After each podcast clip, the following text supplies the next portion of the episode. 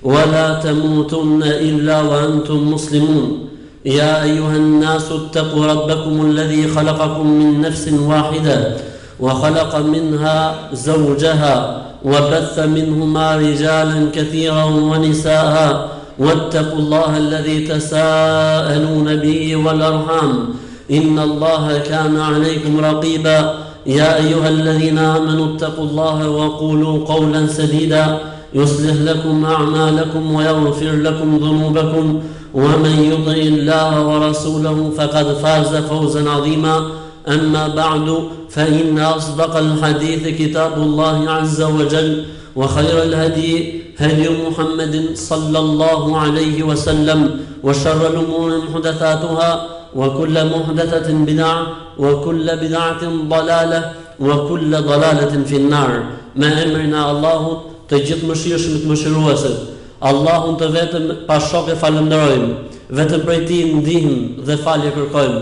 Allahut xhelle xhelaluhu i lutemi të na ruajë prej së keqes, e cila nuk është gjë tjetër vetëm se pasojë e veteve dhe e veprave tona. Cilindo që Allahu udhëzon në rrugë të drejtë, nuk ka kush ta devijojë prej saj, dhe cilido që humb rrugën e drejtë, nuk mund ta udhëzojë në të askush tjetër përveç Allahu xhelle xhelaluhu. Dëshmoj dhe deklaroj.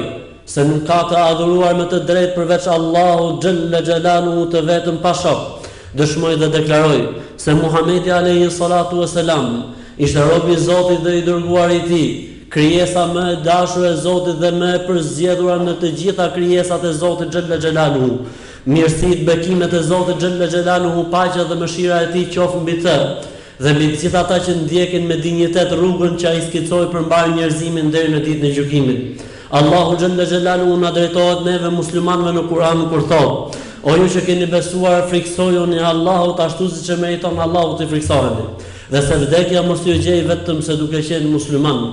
Gjithashtu i madhi Zot xhelle xhelaluhu u apelon mbarë njerëzimin kur thotë, O ju njerëz, frikësoheni Zotit tuaj i cili krijoi juve prej një vetje të vetme dhe prej tij krijoi bashkëshorten e tij dhe prej këtyre të dy bashkë Allahu krijoi shumë burra dhe gra, frikësoheni Allahut me emrin e të cilit përbetoheni, ruajini lidhjet farefisnore midis jush, pa dyshim Allahu është mbi ju mbikëqyrës.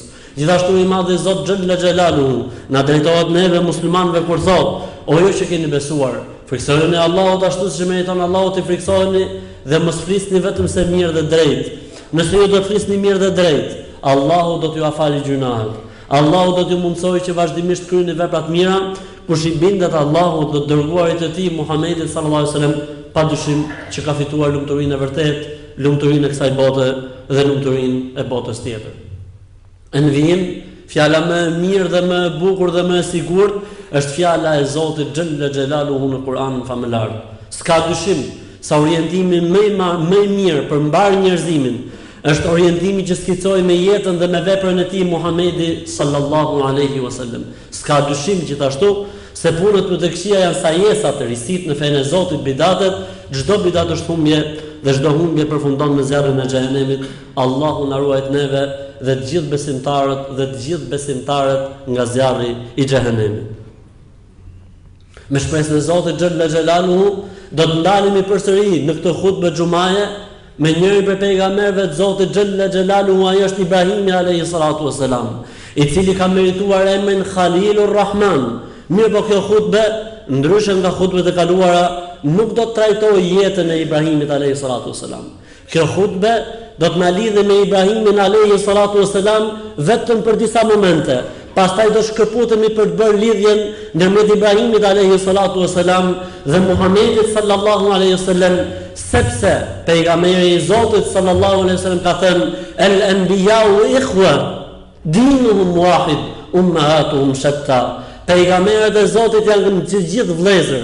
Pejgamberët e Zotit, profetët kanë qenë të gjithë vëllezër. Feja e tyre ka qenë një, Islami, të adhurohet dhe të njifet Allahu si Zoti i vetëm i vërtetë.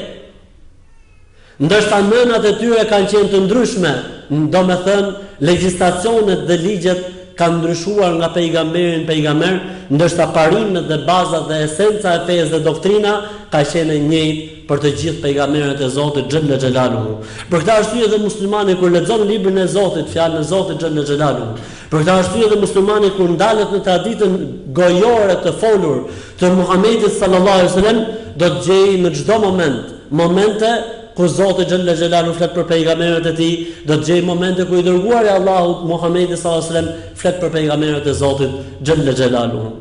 Sepse muslimani nuk mund të jetë musliman, nuk mund të jetë besimtar derisa t'i besojë, derisa t'i dojë, derisa t'i pohojë, derisa t'i pranojë të gjithë pejgamberët e Zotit xhalla xhelaluhu.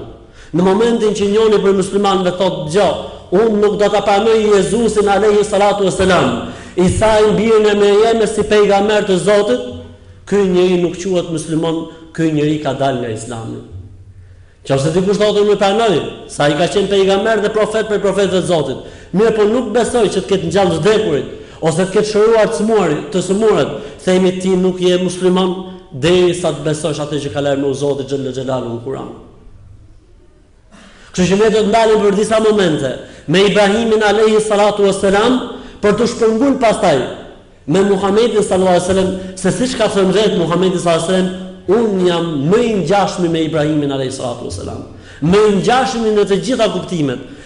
Më i ngjashmi në paraqitje dhe më i ngjashmi në dispozita dhe ligje, alejhima es-salatu ves-selam, bekimet e Zotit qofshin mbi të dy, Muhamedin alejhi s-salatu ves-selam dhe Ibrahimin alejhi s-salatu ves-selam.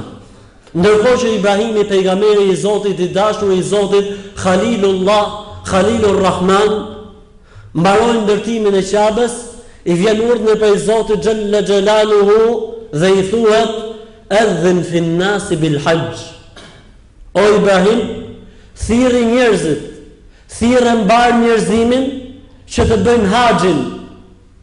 Tha o Zoti im, unë jam në Mekë, Si t'i thrras njerëzimin, si mund të shkojë fjala ime tek të gjithë njerëzit? Tha ngjitu tek mali i Ebu Kubejs dhe thuaj, O njerëz, Allahu e ka bërë obligim haxhin për ju dhe bëjeni haxhin duke iu përgjigj urdhrit të Zotit xhelle xhelaluhu. Atë bëri Ibrahimi alejhi salatu vesselam. U ngjit në një mal shumë pranë Mekës dhe thirri: "O njerëz, Zoti jua ka bërë obligim haxhin, prandaj përgjigjuni thirrjes së Zotit xhella xhelaluhu." E mori Zoti xhella xhelaluhu me fuqinë e vet dhe me madhninë e vet.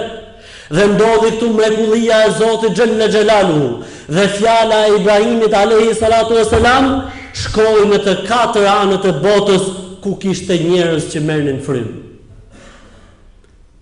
Ya'tuke rijalen wa ala kulli dhamirin ya'tina min kulli fajjin amiq li yashhadu manafi'a lahum.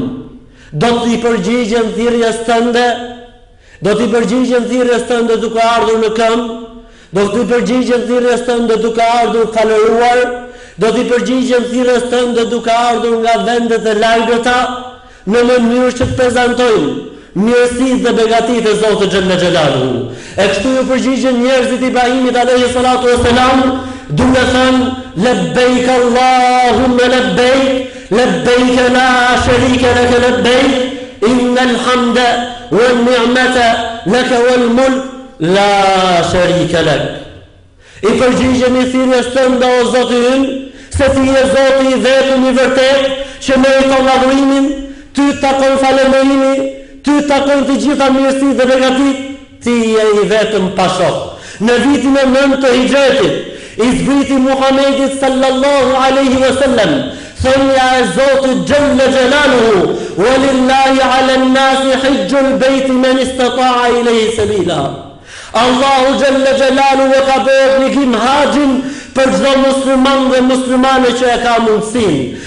Ndërkohë Muhamedi sallallahu alejhi ue sellem i mblodhi njerëzit dhe u tha, Ja ejuhen nas, inna Allahe ketebe alejkumul hajje fe hajju, O njerëz, Zoti xhelle xhelaluhu ua ka bërë obligim haxhin, prandaj kryeni haxhin, ashtu siç tha dhe Ibrahimi alejhi salatu ue selam. E qysh nga ai moment e sot e kësaj dite, njerëzit i përgjigjen thirrjes së Zotit duke thënë, Lebejk Allahumme lebejk lebejke la sherike leke lebejk innel hamde wen ni'mete leke wel mulk la sherike lek E kështu muslimanët në çdo moment prezantojnë në shtëpinë e Zotit xhelle xhelaluhu për të kryer obligimin e umres ose obligimin e jetës që e ka emrin haxh. Kjo shtëpi, të cilën Zoti xhelle xhelaluhu e ndërtoi si faltorja e parë në tokë për të qenë simboli i adhurimit të Zotit të vetëm pa shok. Kjo shtëpi, që kushdo që prezanton në të, nuk mund të rri tjetër vetëm se të mbushet me iman dhe me besim, sepse do të shohë dhe do të përjetojë aty mrekullitë e Zotit xhelle xhelaluhu, se Zoti xhelle xhelaluhu thotë në Kur'an se këtë shtëpi e ka bërë argument për njerëzimin, e ka bërë mrekulli për njerëzimin, kjo shtëpi ka një veti që i thirr zemrat e besimtarëve dhe besimtareve, kudo që të jetë muslimani në anët e botës, e Zoti xhelle xhelaluhu ia ka plotësuar mundësitë, nuk mund të rrijë pa ju. Tareve, kudo që të jetë muslimani, në anët e botës, e Zoti xhelle xhelalu ja ka plotësuar mundësitë, nuk mund të rrijë pa ju përgjigj thirrjes së Zotit xhelle xhelalu, nuk mund të rrijë pa shku në Qabe, me pa aty Mekamu Ibrahim, me pa aty vendin e Ibrahimit, me pa aty ajetet dhe argumentet dhe mrekullitë e Zotit xhelle xhelalu. Nuk ka njeri që e ka pa atë vend, e të ketë pas tronditje në imanin dhe në besimin e tij, vetëm se është mush me iman dhe me besim. Si jo, sepse ti do të jesh në një vend, ku kanë shkelur të gjithë pejgamberët e Zotit, alejhimu salatu ve selam. Përveç Isait, birit Merjemes, i cili nuk do të vdesi dhe nuk do të largohet nga jeta e kësaj bote, pa e kryer haxhin, siç ka lajmëruar për këtë,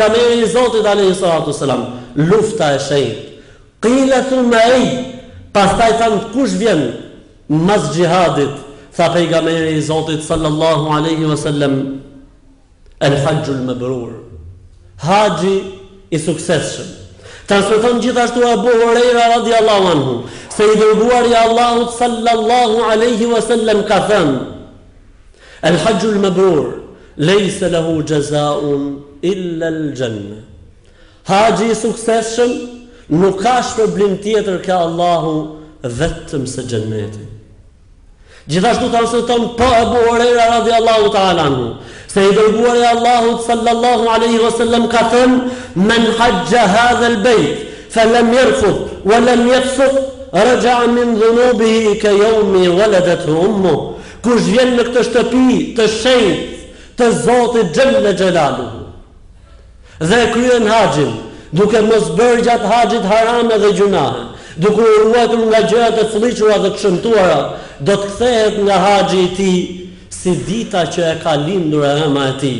Nëna e besimtarëve Aishe radijallahu ta'ala anha, thotë, i thashë Pejgamberit sallallahu alejhi ve sellem, O Pejgamber i Zotit, sikur të kishim dhe gratë, ne gratë, Thotë mundësi që të bëjshim xhihad ashtu siç bëjnë burrat.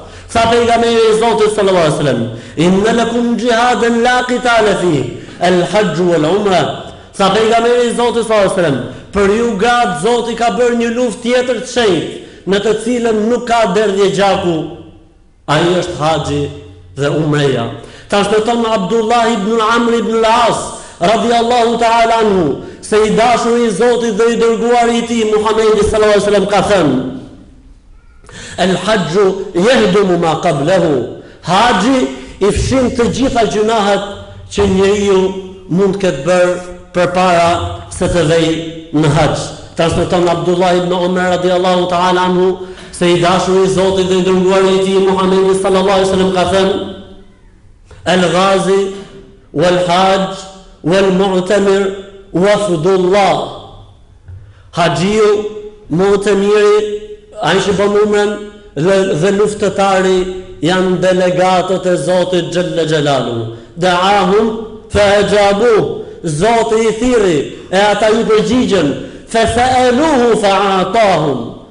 E kur i luten ata Zotit, Zoti i plotëson dëshirat dhe lutjet e tyne.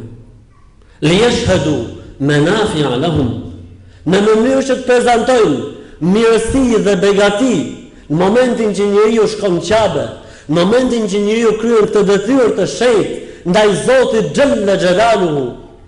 Mbushet me iman dhe me besim, i falen gjynahet, futet në mëshirën e Zotit xhelle xhelaluhu. Jo vetëm kaq, po njeriu përfiton në imanin dhe në besimin e tij dhe kthehet nga haxhi i tij i lehtë sikur ka lindur edhe një herë.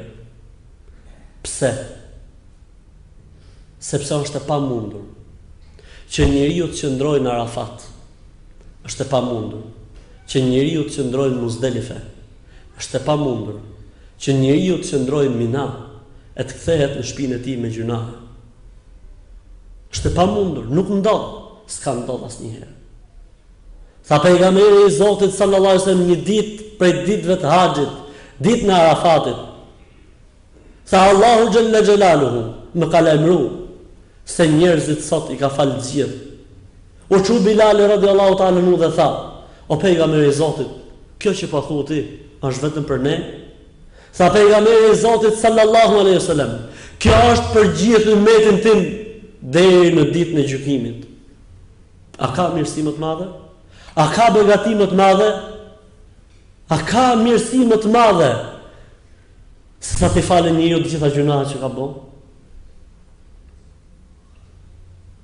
Është e pamundur të qëndrojë njeriu në Arafat dhe në Muzdelife dhe në Mina e të gjujë gurët e të bëjë tavafin e të kthehet me gjynahe, nuk ndodh. Për të parë mirësitë e Zotit xhelle xhelaluhu, Ku janë mirësitë e Zotit? Për të kuptuar se tek Zoti nuk bën dobi asgjë dhe se njerëzit janë barabartë tek Allahu xhelle xhelaluhu. Ela la fadle li arabijin ala axhemi, wa la li abjadin ala eswed. Nuk ka vlerë arabi ndaj jo arabit. Nuk ka vlerë i bardhi ndaj të ziut, vetëm se me devotshmëri. Vetëm se me përkushtim ndaj Zotit xhelle xhelaluhu. Për t'u ndalur me shpresën e Zotit xhelle xhelaluhu. Për disa momente me urtësitë e haxhit. Allahu xhelle xhelaluhu na boft prej atyne që do ta kryejnë haxhin në shtëpinë e tij. Allahu ua mundsoft haxhive që ta kryejnë haxhin në shtëpinë e tij, dhe atyne që nuk kanë mundësi ua mundësoftë Zoti xhella xhelaluhu e i shpërbleftë simas nijeteve dhe qëllimeve të tyre. Momenti i parë është momenti i udhëtimit.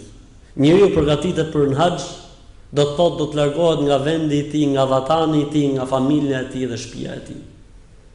Për t'ju përgjigjur, urdhrit Zotit xhelle xhelaluhu.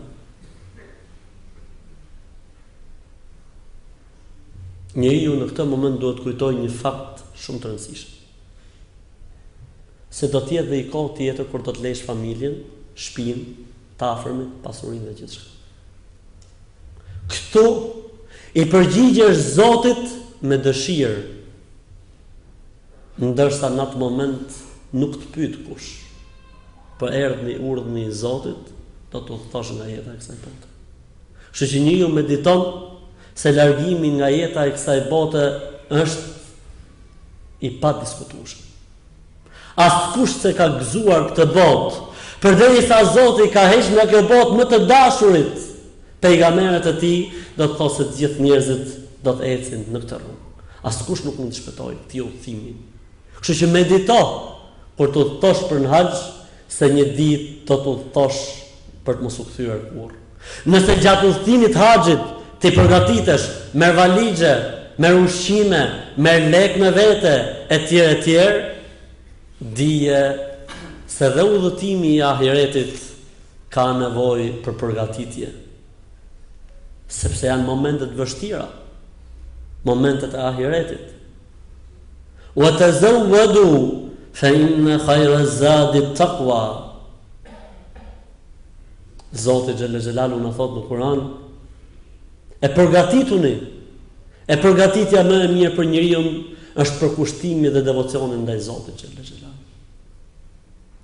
Njeriu gjatë udhëtimit të haxhit kupton se udhëtimi është një pjesë prej dënimit, siç ka thënë për këtë Muhamedi sallallahu alajhi wasallam. Çdo udhëtim thotë Muhamedi sallallahu alajhi wasallam është pjesë e dënimit, pra nëpërmjet tij ty Zoti xhelle xhelaluhu të fshin mëkatet ose të ngren gradët. Po kështu dhe udhëtimi i ahiretit ka pjesën e vet të dënimit. Kemi diçka që quhet heka e vdekjes. Kemi diçka që quhet jeta e varrit, kemi diçka që quhet ringjallje, kemi diçka që quhet tubim, kemi diçka që quhet llogari, kemi diçka që quhet vendosja e peshores, kemi diçka që quhet vendosja e urës nga toka e mahsherit në xhenetin e Zotit xhella xhelaluhu e njerëzit do të kalojnë nga kjo urë, shpëton ai që shpëton dhe bie ai që bie. Haxhiu është i detyruar që rrobat e kësaj bote t'i heqi dhe të veshi rrobat e ihramit.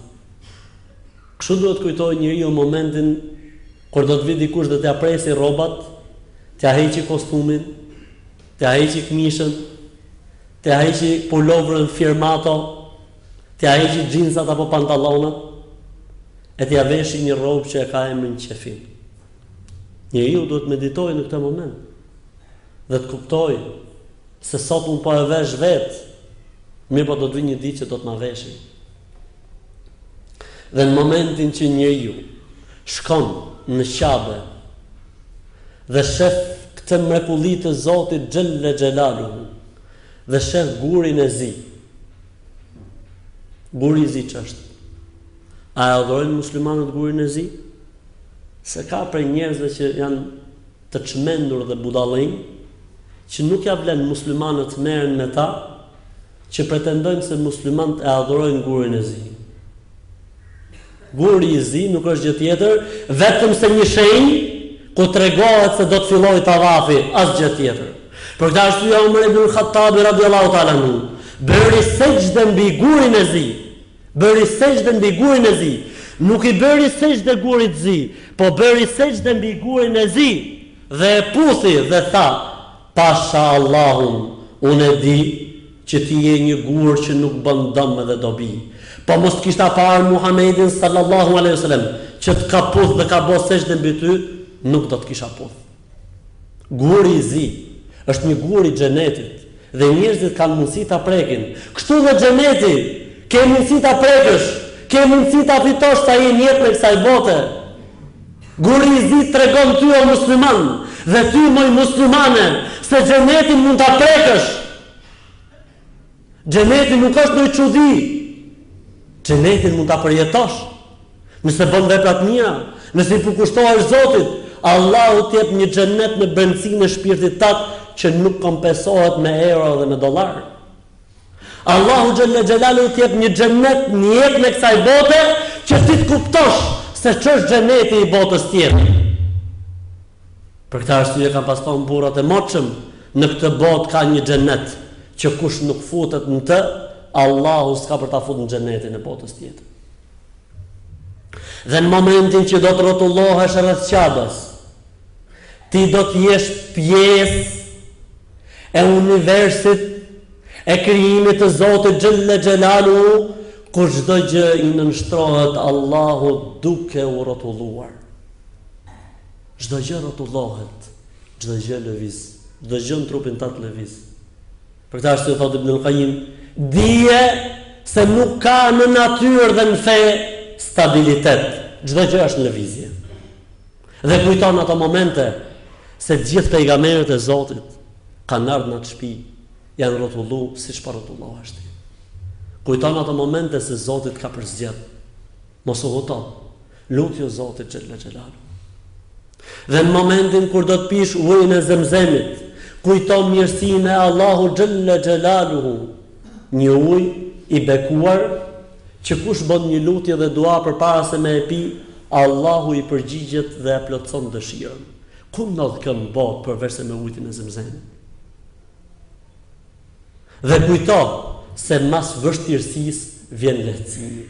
Dhe në momentin që ti je duke bo Safanë dhe Merven, kujto nënën tonë Haxheren, alejha selam, si është munduar, si është lodhur, si ka derdhur djersë, ndërsa ti sot e bën me qetësinë më të madhe, me rahatinë më të madhe, për këtë arsye falënderoje Zotin xhelle xhelaluhu që je duke ecur në rrugën e pejgamberëve të Zotit xhelle xhelaluhu.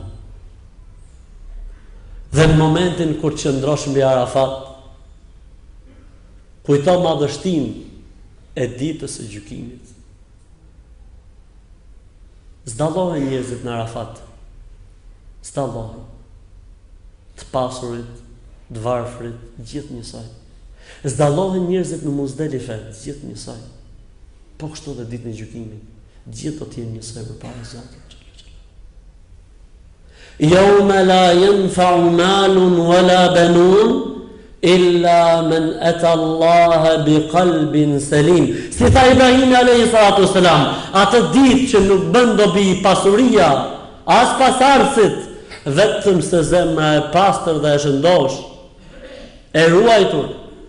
Arafati ta jep këtë mesazh dhe të kujton me këto momente. Dhe në momentin kur do të zbresësh në Mina, e do të gjuish me gurë. Dhe në momentin kur do të zbresësh në Mina, e do të gjuish me gurë te kolonat e gurit, ashtu siç ka bërë babai ynë, Ibrahimi alejhi salatu ue selam. Kujto se armiku i vërtetë i njeriut është djalli, shejtani, dreqi, Prishi kontratat me të, prishi marrëveshjet me të, sepse nuk mundet që muslimani të jetë njëkohësisht me kontratë ndërmjet tij dhe Zotit të tij dhe me kontratë ndërmjet tij dhe armikut të tij që e ka emrin Iblis, që e ka emrin dreq, që e ka emrin shejtan. Nuk mundet, dy kontrata të funksionojnë njëkohësisht. E i vë besën Zotit se do të vazhdojsh vetëm me kontratën e Zotit xhelle xhelaluhu. Haxhiu e ka të ndaluar t'i bëjë disa veprime. Dhe në një moment caktuar i lejohen ato veprime që i ka pas të ndaluar për të treguar se or rob i Zotit, ti duhet të ecësh sipas dëshirës dhe vullnetit të Zotit, jo sipas dëshirës dhe vullnetit tënd. Allahu ka vendos për ty disa rregulla, ligje, Që janë në të mirën tënde, të jesh i sigurt, sikur të jesh njeriu më i keq, Zotit nuk i bën dëm. Sikur të jesh njeriu më i mirë, Zotit nuk i bën ndonjë të mirë. Innama hiya a'malukum uhsiha lakum. Faman wajada khayran falyahmadillah wa man wajada duna dhalik Fela yelumenne illa nefseh, Zoti na thotë, o robët e mi, nuk janë gjë tjetër vetëm se punët tuaja. Kush bën mirë, do të gjejë mirë, e kush bën keq, ka për të gjet keq. Lus Allahun xhelle xhelaluhu me emrat e tij të bukur dhe me atributet e tij të larta, T'ua lehtësojë haxhinjve kryerjen e haxhit, ashtu siç don Zoti xhelle xhelaluhu, dhe u kthefshin nga haxhi i tyne, ashtu siç ka premtu Muhamedi sallallahu alejhi ve selem. O Allah o Zot i gjithësisë, atyne muslimanëve që nuk kanë mundësi me e bo haxhin, e u digjet zemra për ta bo haxhin,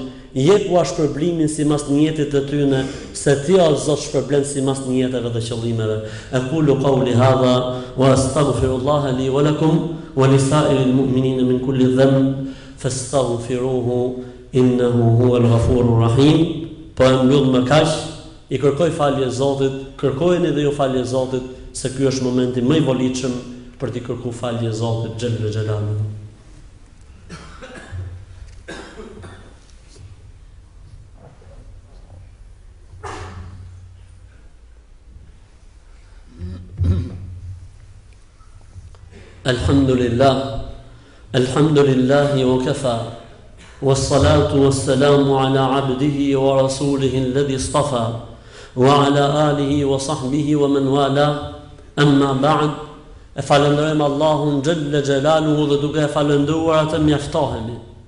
Mirësi dhe bekimet e Zotit qofshin mbi burrin më të përzgjedhur nga historia e njerëzimit Muhamed Mustafanë sallallahu alejhi ve sellem dhe mbi të gjithë ata që ndjekin dhe pasojnë rrugën e tij deri në ditën e gjykimit.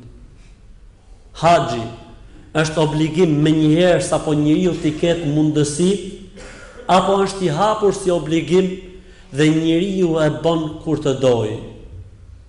Normalisht, kjo është një çështje që ka pas mendime dhe interpretime të ndryshme të shkollave juridike të Islamit, Dhe mendimi më i drejtë me shpresën e Zotit xhelle xhelaluhu është mendimi i medhhebit hanefi dhe i dijetarëve të tjerë që kanë mbajtur këtë qëndrim, i cili thotë se haxhi është obligim menjëherë kur njeriu i plotëson mundësitë. Ç'do të thotë t'i kesh mundësitë, do të thotë mundësia fizike Mundësia ekonomike dhe mundësia për të lënë ushqim dhe për t'ju plotësuar nevojat familjarëve gjatë kohës që je në haxh. Dhe janë argumentuar ky grup i madh dijetarësh Allahu i mëshiroftë dhe na bashkoftë me ta në xhenetet e tij më të mira me disa hadithe të Pejgamerit sallallahu alejhi wasallam.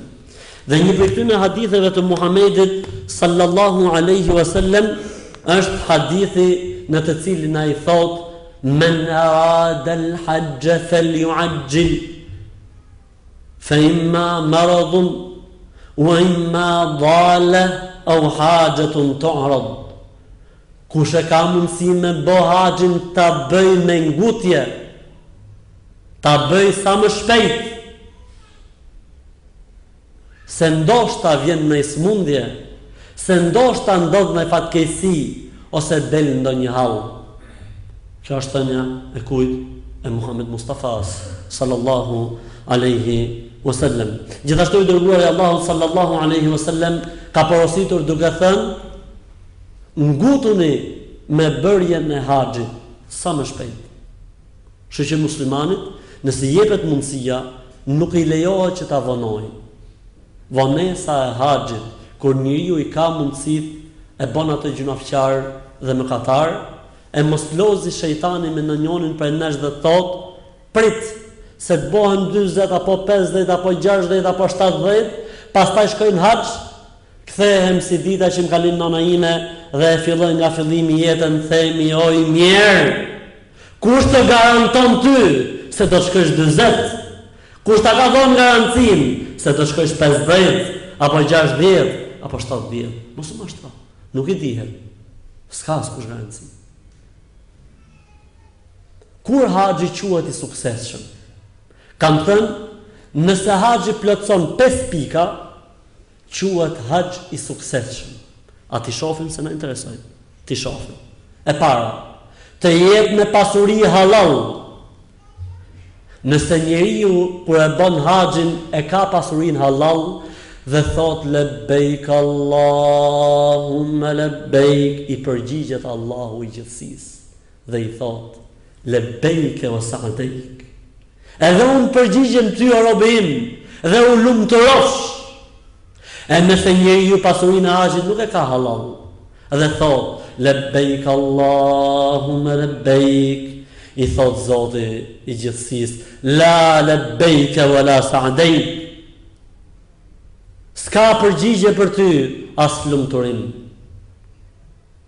Kushti i dytë, Që haxhi të bohet ashtu siç e ka bërë Muhamedi sallallahu alejhi wa sallam, sepse ai e ka lënë amanet dhe ka thonë, Khudhu anni manasikakum, bojeni haxhin ashtu siç e kam bërë unë, Sepse unë kam ndjekur gjurmët e Ibrahimit, alejhi salatu ue selam. Është fatkeqësi që të gjejsh haxhi që thonë jo po është sunnet, jo po po e lejnë, jo po s'po e lejnë. Kujt po i bën naze?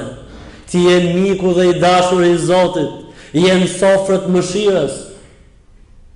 Kushti i tretë është që njeriu në haxhin e tij të largohet nga haramet, nga gjërat e flliqura dhe të shëmtuara dhe nga debatet. Po, sprovë. Domethënë i lanë haramet, gjonat e flliqura dhe të shëmtuara, dhe debatet gjatë haxhit. Sepse haxhi është një adhurim nga a-ja deri te zh-ja, dhe nuk pranon adhurimi brënda gjynahe, dhe nuk pranon adhurimi brënda gjëra të turpshme dhe të flliqura, dhe nuk pranon adhurimi brënda debate dhe dialogje, jo s'ka, në haxh nuk.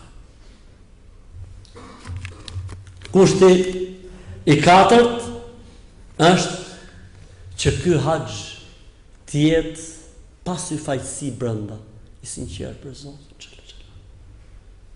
I pastër për Zotin. Allahumme hixhxheten la riae fiha ue la suma. Pejgamberi i Zotit ju lut Allahut duke thënë kur e boni haxhin në vitin e dhjetë të hixhretit, o Allah, o Zoti im, bëje këtë haxh të pastër, të kulluar, pa syfaqësi në të. Pejgamberi i Zotit ju është lut Allahut. E nëse njeriu bën haxh që t'i thonë bravo filani është haxhi që të marri titullin e nderit haxhi në mesin e njerëzve që të lavdrohet apo që të thotë kom qenë qabe, kom qenë meqe ky njeri gjynof harxhon gjith at pasuri mundohet trishton familjen më mirë mos të niset fare pasha Allahun Zotin e gjithësisë më mirë mos të niset fare dhe kushti i pestë që e kanë përmend një grup i mirë dijetarëve të Islamit ta ruaj haxhin e tij mbasi të kthehet prej haxhi ta ruaj haxhin Se me shku në haxh e me ju kthy prap harameve, me shku në haxh e mos me fal mo namazin, me shku në haxh e me ju kthy prap gjynafeve, çar haxhi është ky? Çar haxhi është ky? Lus Allahun xhel-le xhelaluhu që t'ua mundësojë haxhive ta kryjnë haxhin ashtu siç kënaqet Zoti xhelle xhelaluhu. Allahu ua mundësoftë atyre që nuk kanë mundësi me e bo haxhin këtë vit, ta bëjnë vitin tjetër. Allahu i orientoftë ata musliman që kanë kujtu se ka kohë dhe s'e kanë bo haxhin që të nguten në bërjen e haxhit. Amin. E mbyllim këtë hutbe duke çu salavate dhe selame mbi dashurin e Zotit dhe dërguarin e Tij, Muhammedin alejhi salatu ue selam. Se Zoti i Gjithësisë kështu na orienton në Kur'an kur thotë: Inna Allahe ue melaiketehu yusallune alen nebi, ya ejuhellezina amenu sallu alejhi ue sellimu teslima. Po përpara se të fillojmë salavatet dhe duat, Do t'i kujtoj vëllezërit se na ka mbetur edhe gjysma e shumës së fonisë së xhamisë për të paguar. Kemi mbledh në hutben e kalume gjysmën dhe na duhet këtë hutbë edhe gjysma tjetër. A e keni dëgju mirë hutben apo jo? Hë, kati i dytë, si ka ardh zoni sot? Mirë. Holli, si ka ardh zoni? E po duhet me e pagujt. S'kemi lidhje as me Arabinë, as me Turqinë, as me Egjiptin. Ne, vetë, kjo është xhamia jonë dhe ne duhet t'i shërbejmë. Kjo është shpia e Zotit xhella xhelaluhu. Kështu që të kontribuojmë për shpinë e Zotit xhella xhelaluhu që fjala e Zotit të depërtojë në zemrat e njerëzve për ata që duan me të vërtetë t'udhëzohen dhe të orientohen.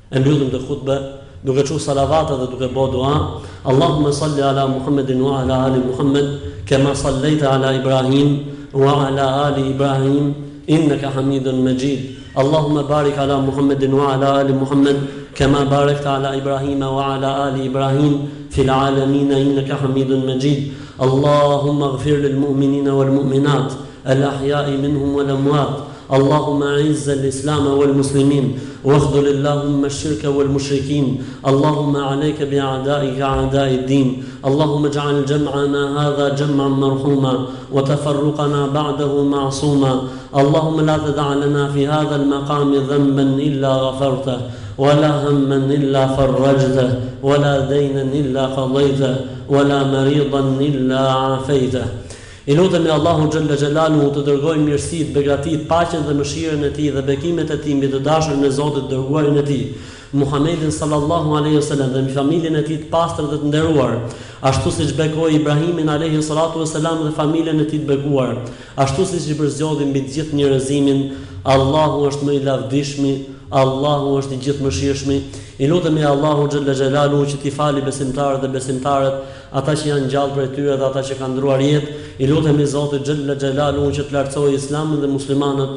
i lutemi Zotit xhelle xhelaluhu që të shkatërrojë dhe të poshtrojë ata që luftojnë Islamin dhe muslimanët, i lutemi Zotit xhelle xhelaluhu që ky tubim në këtë shpi prej shpijave të Zotit të jetë i falur dhe i mëshiruar, o Allahu o Zoti ynë, mos lër në mesin tonë njeri me gjynafe pa e fal, o Allahu o Zoti ynë, mos lër në mesin tonë njeri mëkatar pa e pastru prej gjynafeve,